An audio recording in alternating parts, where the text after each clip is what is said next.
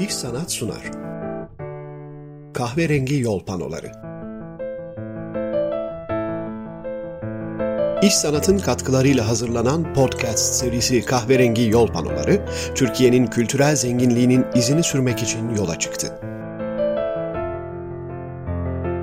Ören yerlerinden müzelere, anıt yapılardan sanat eserlerine, kahverengi yol panolarıyla işaretlenen değerlerimizle ilgili yapacağımız yayınlarda bilim ve kültür dünyasından isimlerle söyleşiyoruz. Ben Emrah Kolukısa ve bugünkü konuğumuz Kitap Şifahanesi ve Arşiv Dairesi Başkanı Nil Baydar. Kahverengi yol panoları başlıyor.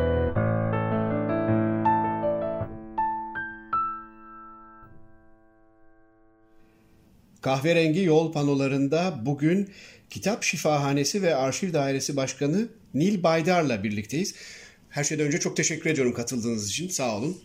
Rica ederim. Hoş geldiniz. Hoş bulduk. Ee, hoş bulduk çünkü gerçekten aslında bugün farklı bir şey yaptık. Ee, biz e, sizin e, yani konuğumuzun aslında ayağına gittik. Çünkü burası e, Turizm ve Kültür Bakanlığı Türkiye Yazma Eserler Kurulu Başkanlığı'na bağlı Kitap Şifahanesi ve Arşiv Dairesi Başkanlığı. Sizin mekanınızdayız. Çok da güzel bir oda gerçekten. E, tarihi bir bina ve çok da tabii önemli bir yerde. Hemen e, Süleymaniye'nin yanında Süleymaniye Camii'nin, Süleymaniye Külliyesi'nin e, yanında bir yerdeyiz. Hocam e, her şeyden önce burada yani kitap şifahanesi.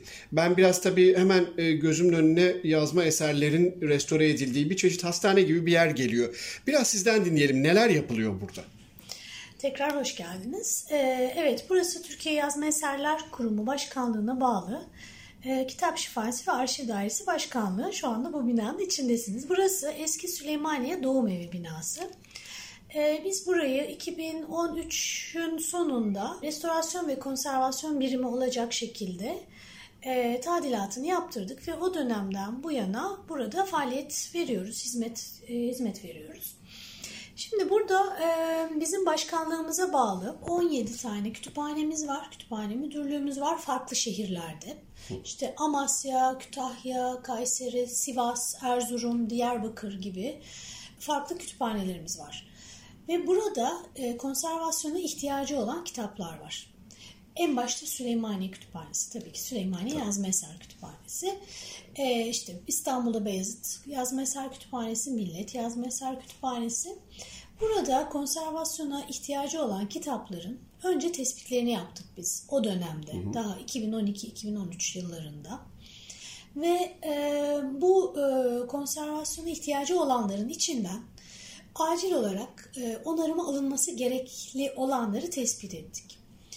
Ve şimdi bu yıllar içinde bütün bu kütüphanelerimizden özellikle olan, yazma eser kriterlerine haiz olan, yani ne demek? İşte önemli bir hattatın olabilir, hmm. tesipli menüsü olabilir, erken dönem olabilir, işte cildiyle cilt e, şey kağıt özellikleriyle, tesip özellikleriyle önemli e, bir yerde duruyor olabilir eser. Bunlar yazma eser kriterlerimiz bizim web sayfamızda da var. Böyle bir takım kriterlerimiz var. Bu şekilde en önemli olanlarından başlayarak yavaş yavaş konservasyonlarını yapmaya başladık. Şimdi e, tabii sadece konservasyon yapmıyoruz. Bu merkezin aslında e, en önemli faaliyetlerinden birisi de araştırma ve geliştirme hmm. faaliyetleri. Tabii. Bu da yazma eserleri tanımaya başladık biz. Hı E, kağıdını tanımaya başladık. Hı. İşte hangi pigmentler kullanılmış bezemelerinde, hangi yüzyılda neler kullanılmış, ee, ne şekilde onarım görmüşler, nasıl yazılmışlar, hangi mürekkebi kullanmışlar, neden bozuluyorlar? Hmm. Bunu yapmak için de yani bu tür araştırmaları yapmak için bir e, ciddi bir ekipman donanımınız ve pers yetişmiş personele ihtiyacınız var. Çok zor tabii. E, bu personelde hemen yani dışarıdan gelen arkadaşlarımız bu şekilde tabii ki çalışamıyorlar.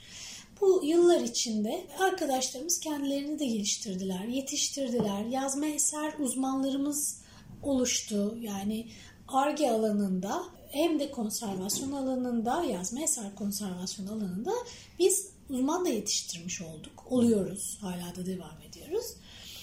Burası hem bir eğitim kurumu hem araştırma kurumu hem konservasyonun ciddi anlamda ve bilimsel e, etikler çerçevesinde yapıldığı bir kurum.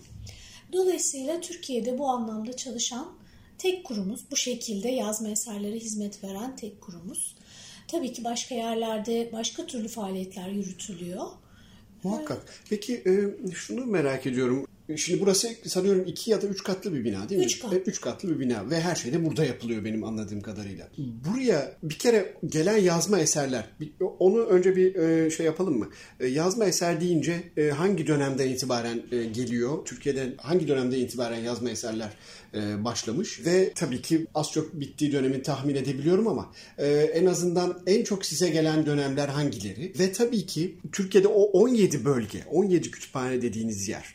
O kütüphaneler belli özelliklere göre mi oralara kurulmuş? Çünkü diyelim işte kimisi Osmanlı o döneminde daha ön plana çıkmış bir yerdir. Orada başka türlü bir belki o işte Doğu akımlarının e, olduğu dönemden kalma yazmalar vardır. Bunlarla ilgili nasıl bir e, sınıflandırma var? Şimdi şöyle e, başkanlığımıza bağlı kütüphanelerde bayağı 9. 10. yüzyıldan başlayarak yani Abbasi döneminden itibaren işte 19'un ortalarına kadar 20. yüzyılın ortalarına kadar hatta yazılmış kitaplar var. Her dönemden kitap gelebiliyor. Şöyle çünkü sadece yüzyıla göre değişmiyor kitabın bozulma sebebi ya da bozulmuşluk durumu nerede saklandığına bağlı olarak da değişiyor. Ne kadar el değiştirildiğine, ne kadar e, dikkatli ele alındığına, hangi koşullarda kaldığına pek çok farklı sebebe göre kitapların bozulma durumları değişiklik gösterebiliyor. Keza Bir- coğrafi koşullar değil mi hocam? Coğrafi koşullar, yapım yapım malzemeleri yani malzeme kaynaklı da çokça bozulma var.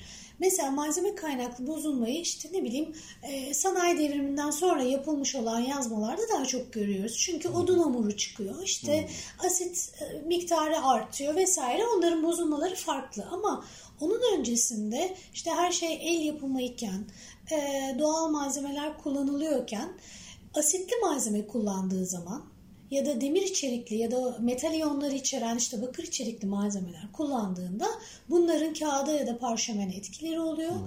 İşte çok nemli bir ortamda kalmışsa onlar daha fazla bozuluyor. Bunları biz öne çekiyoruz. Çünkü Bunlar boz- acil vaka. acil vaka. Çünkü siz buna müdahale etmezseniz orada parça kayıpları yaşanır ve bilgi kaybı olur. Doğru.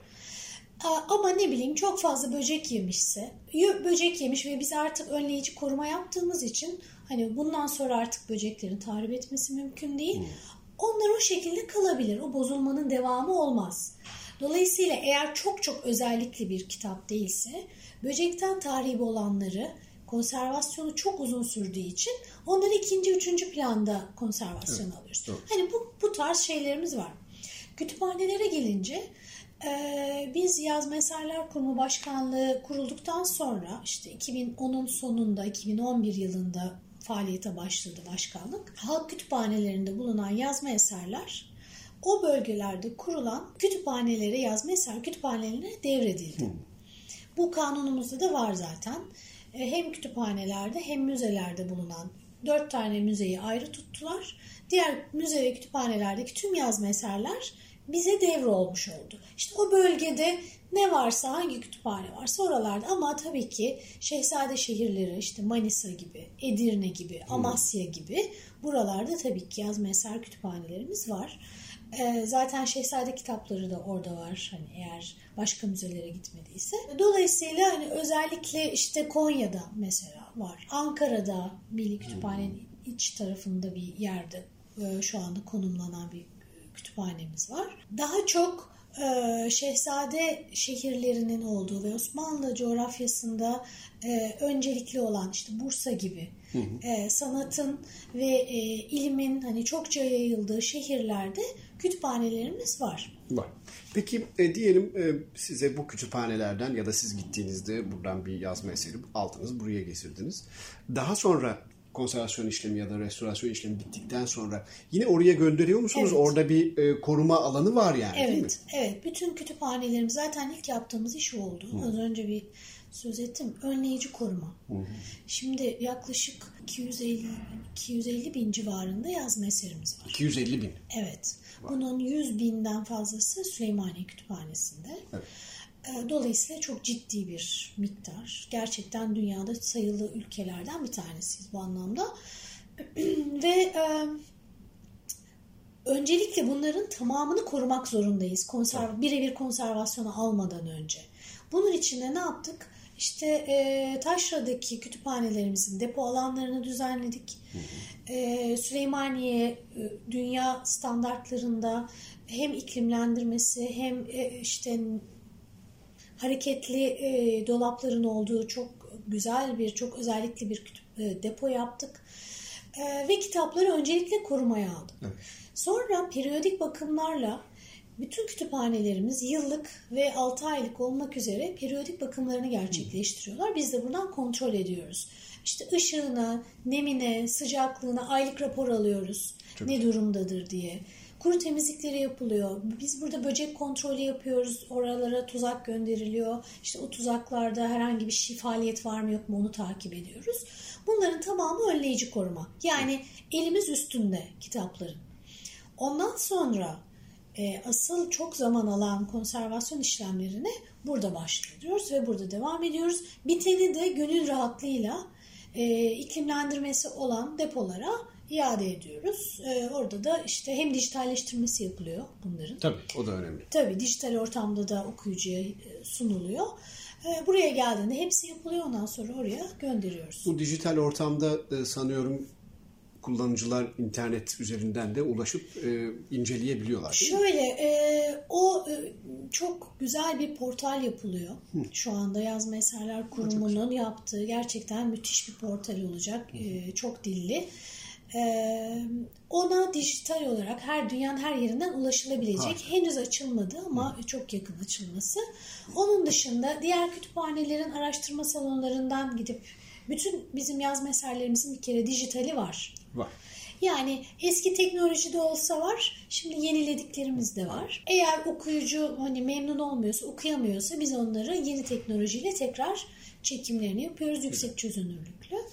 E, Böylece hani her yerden ulaşabiliyorlar. Hocam şimdi gelirken e, koridordaki e, işte o vitrinlerin içinde sanıyorum e, sizin laboratuvarlarınızda da kullandığınız bazı malzemelerin örneklerini gördüm. İşte lapis lazuli vardı, başka şeyler. Biraz anlatır mısınız? Nedir o malzemeler ve neye göre onları kullanıyorsunuz? Orası biraz böyle hani sergilemek gibi yani kullandığımız malzemelerin küçük küçük numunelerini koyduk oraya.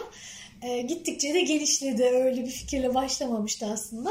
Aynı zamanda da çocukların ortak kullandıkları bir e, küçük depo alanı gibi orası. Orada yani e, hem konservasyonda hem işte yazma eserlerin yapımında kullanılan bir takım malzemeleri gösteriyoruz. Dediğim gibi yani biz yazma eser nasıl yapılıyoryu çözdükten sonra ancak konservasyonuna başlayabiliyoruz. Çünkü hani nasıl yapıldığını anlamadan tıpkı insanın e, şeyini doktora gittiğinizde hastalığınızı teşhis etmesi gibi.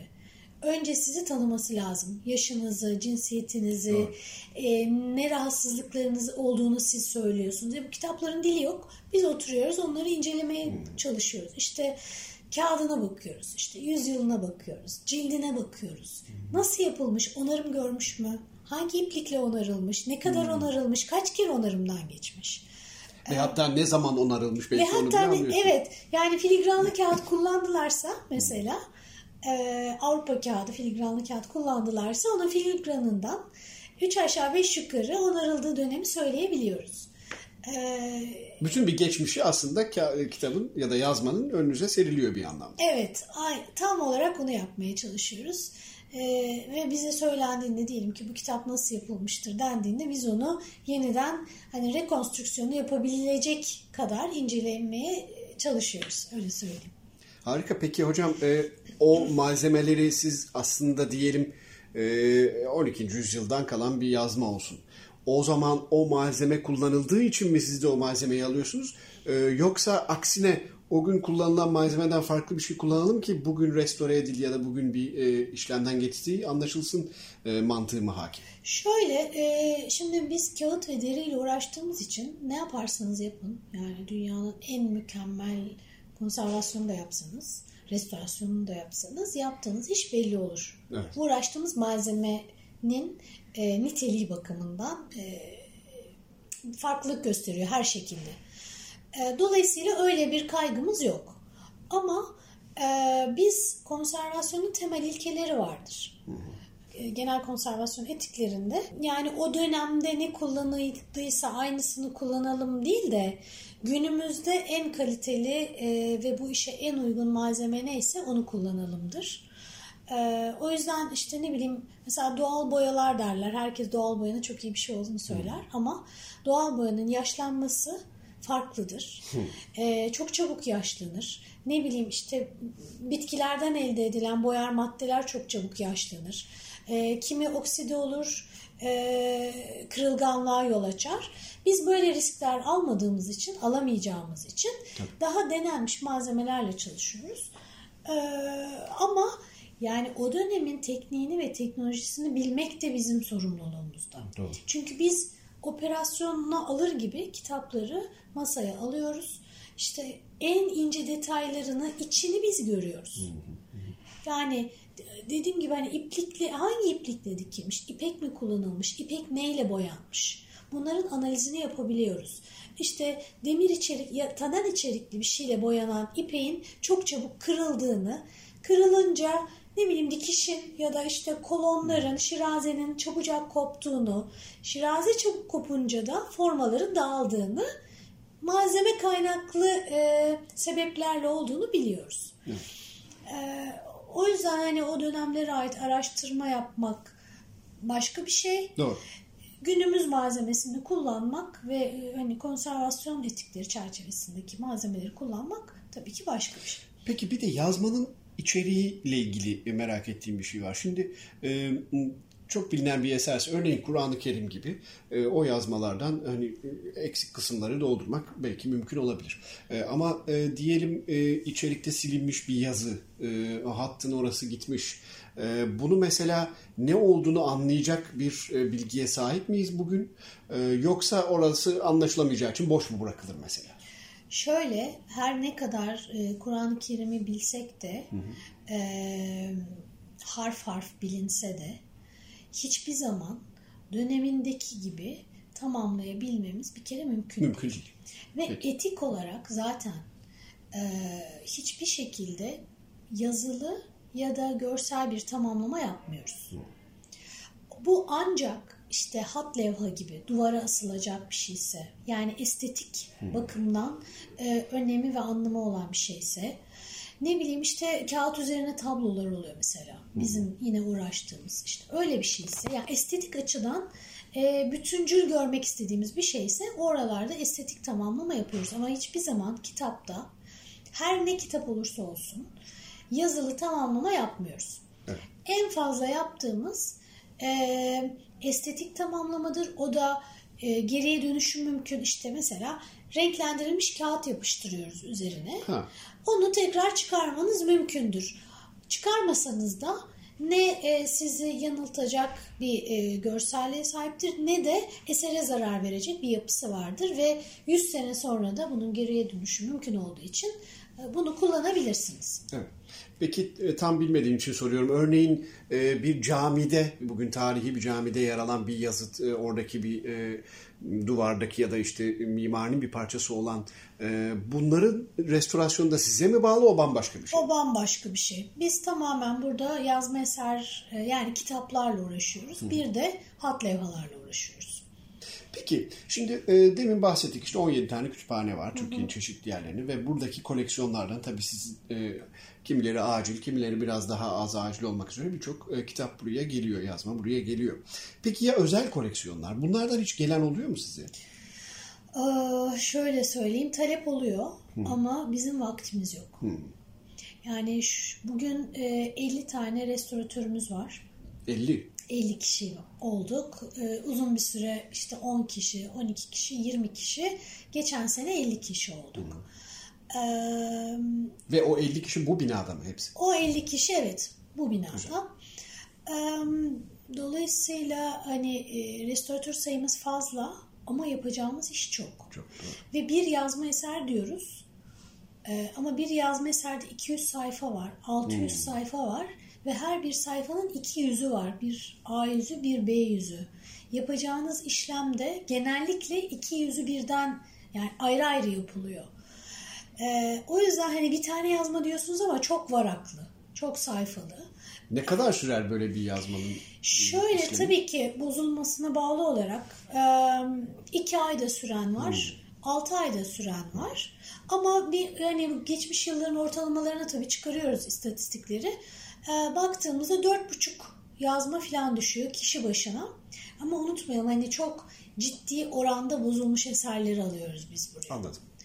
Ee, onun dışında hani basitçe çok daha işte kuru temizlikle ya da küçük onarımlarla yapılan kitaplar tabii ki 2-3 günde de bitebiliyor. Doğru. Ee, ama bütün hepsi işte e, mürekkep korozyonu olduysa ve parçalanıyorsa 6 ay kadar sürebiliyor. Demin 250 bin yazmadan bahsetmiştik e, kabaca. Bu sadece devlet koleksiyonunu mu kapsıyor yoksa özellerde birlikte mi? Sadece Türkiye Yazma Eserler Kurumu Başkanlığı'na bağlı kütüphanelerdeki koleksiyon kitaplar bunlar.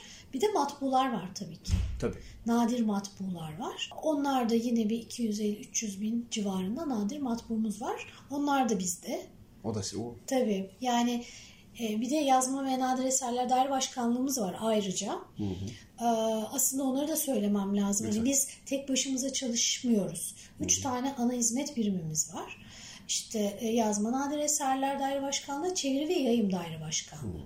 Çeviri ve Yayım Daire Başkanlığı'nda pek çok uzman çalışıyor. Farsça, Arapça, Osmanlıca e, uzmanları. Biz içeriğiyle çok fazla ilgilenemediğimiz için işte kitapların içeriği, özelliği, işte e, tarihlendirilmesi, hattatları, müsten, mü- müzehipleri, müstensifler, Belki tercümesi hatta. tercümesi bunu diğer daireler yapıyor. Biz oralardan uzman arkadaşlardan destek alıyoruz. Dolayısıyla hem nadir yazmalar, şey, hem yazma eserler hem de nadir matbualarımız var. Eee, Onları da uygun koşullarda şimdilik koruyoruz. Henüz konservasyonlarına başlayamadık. Eee, Ama herhalde bir birkaç sene içinde onlara da yavaş yavaş sıra gelecek. Zaten Süleymaniye e, Kütüphanesi hemen yakınımızda. E, siz- Hemen yan tarafımız. Hemen yan tarafımız. E, orası aslında e, kitaplarında saklandığı bir bölümü var değil mi? Bu nadir kitapların Doğrudur. eski yazmaları. Evet, depo var, alı, depo var içinde. Ee, yazma eserler evet orada saklanıyor. Peki hocam uzmanlık deyince tabii e, bunun uzmanlığı hani dünya çapında düşünüyorum şimdi. E, yurt dışından mesela akademik olarak ilgi görüyor mu? Yani insanlar gelip burada öğrenmeye çalışıyor mu bunu? Evet, e, pandemi öncesinde e, öyle e, başvurular da olmuştu. Hatta yurt dışından staj yapmaya gelmek isteyenler de olmuştu. Tabii ki hani arkadaşlarımız var. Bu alanda çalışan çok fazla insan yok, uzmanlaşan. E, herkes birbirini yavaş yavaş tanıyor. E, yaptığımız işleri onlar da takip ediyorlar. Biz onların ta- yaptıklarını takip ediyoruz. Daha öncesinde biraz eğitimlerimiz de olmuştu.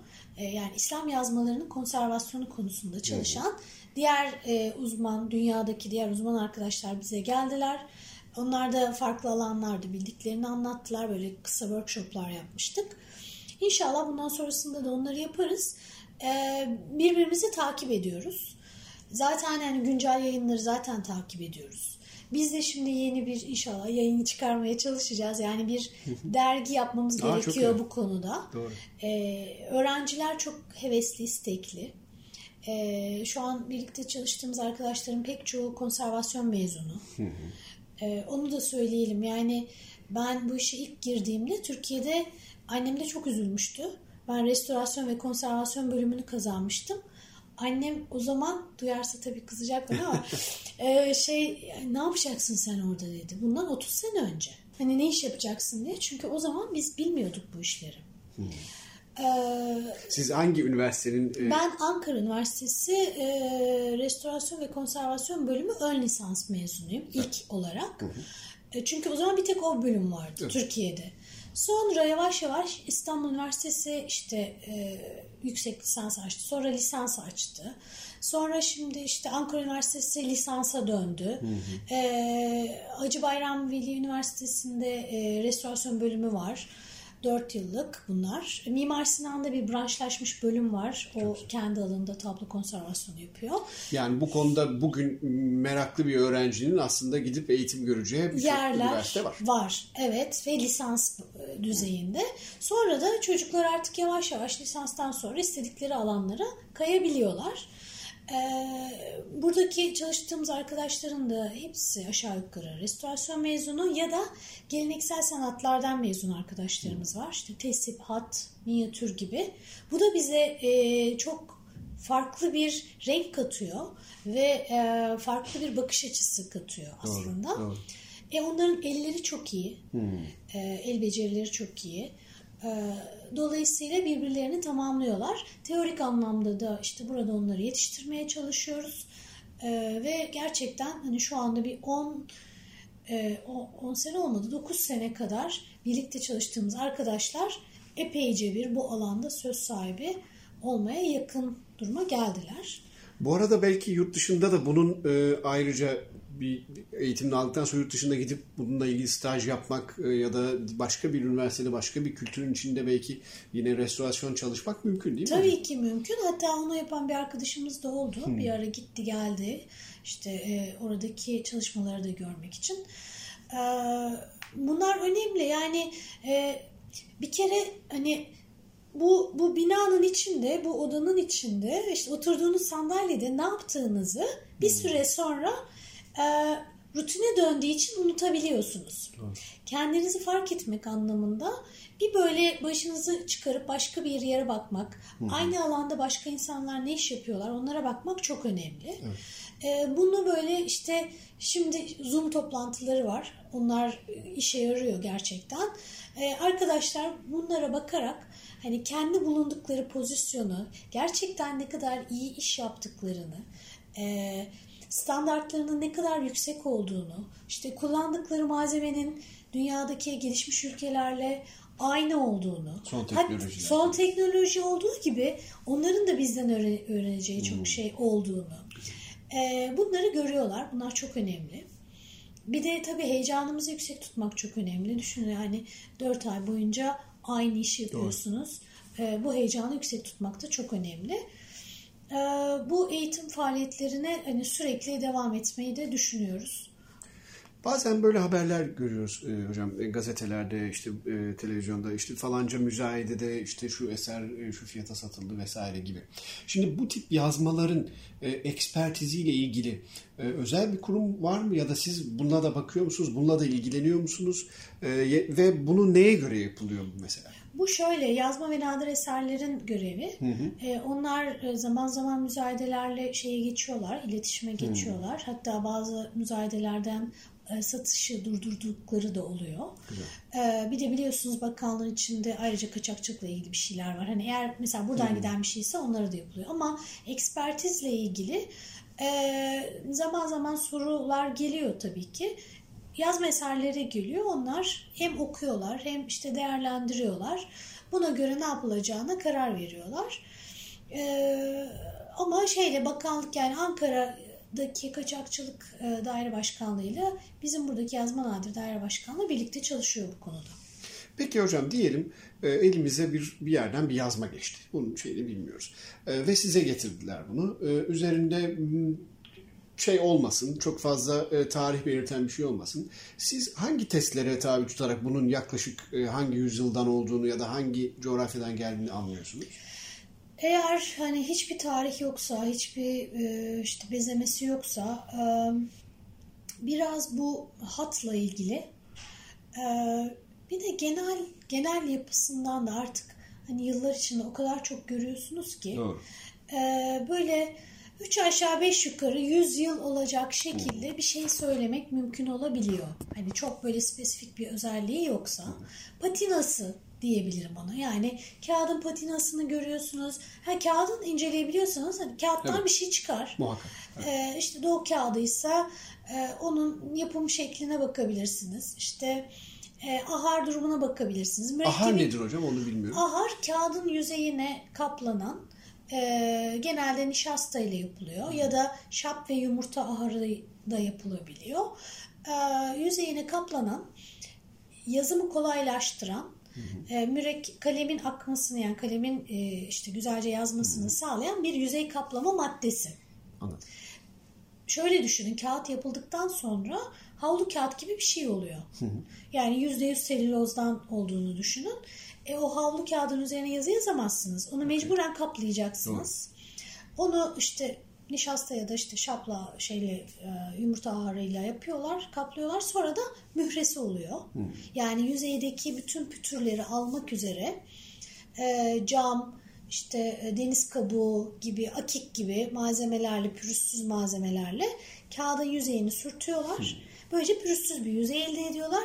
Ondan sonra ancak yazmaya başlayabiliyor Hattat. Peki bu bazen deri e, de yapıldığını da biliyoruz. Neye göre mesela deri tercih edilmiş ya da e, selüloz hangi e, şartlar altında bunları Şöyle yapıyorlar? Abbasi'den sonra e, çok fazla İslam dünyasında artık şey kullanılmamış. Deri kalmamış. Parşömen kullanılmamış.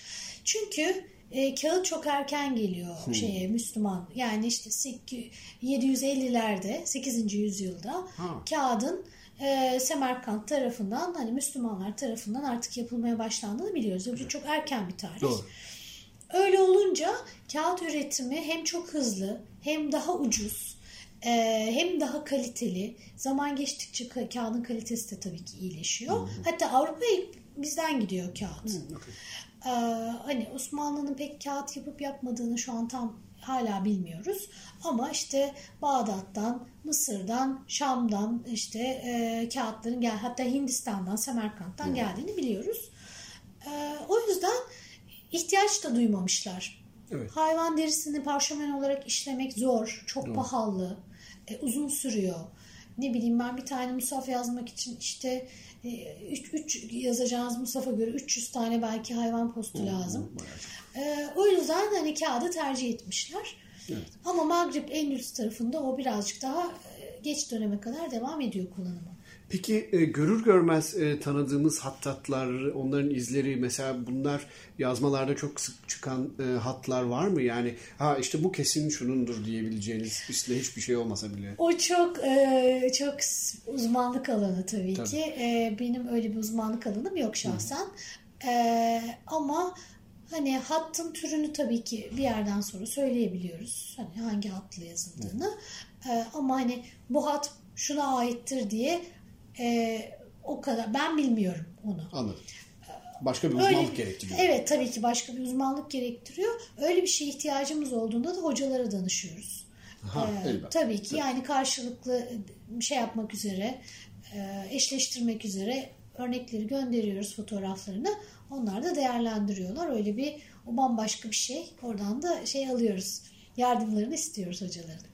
Peki çok teşekkür ediyorum. Bize zaman ayırdınız. Bizi misafir ettiniz burada. Gerçekten e, ilginç bir yermiş. Ben de ilk kez geldim. E, çok da memnun oldum. E, çok sağ olun kahverengi yol panolarına katıldığınız için. Rica ederim. Ben çok teşekkür ederim.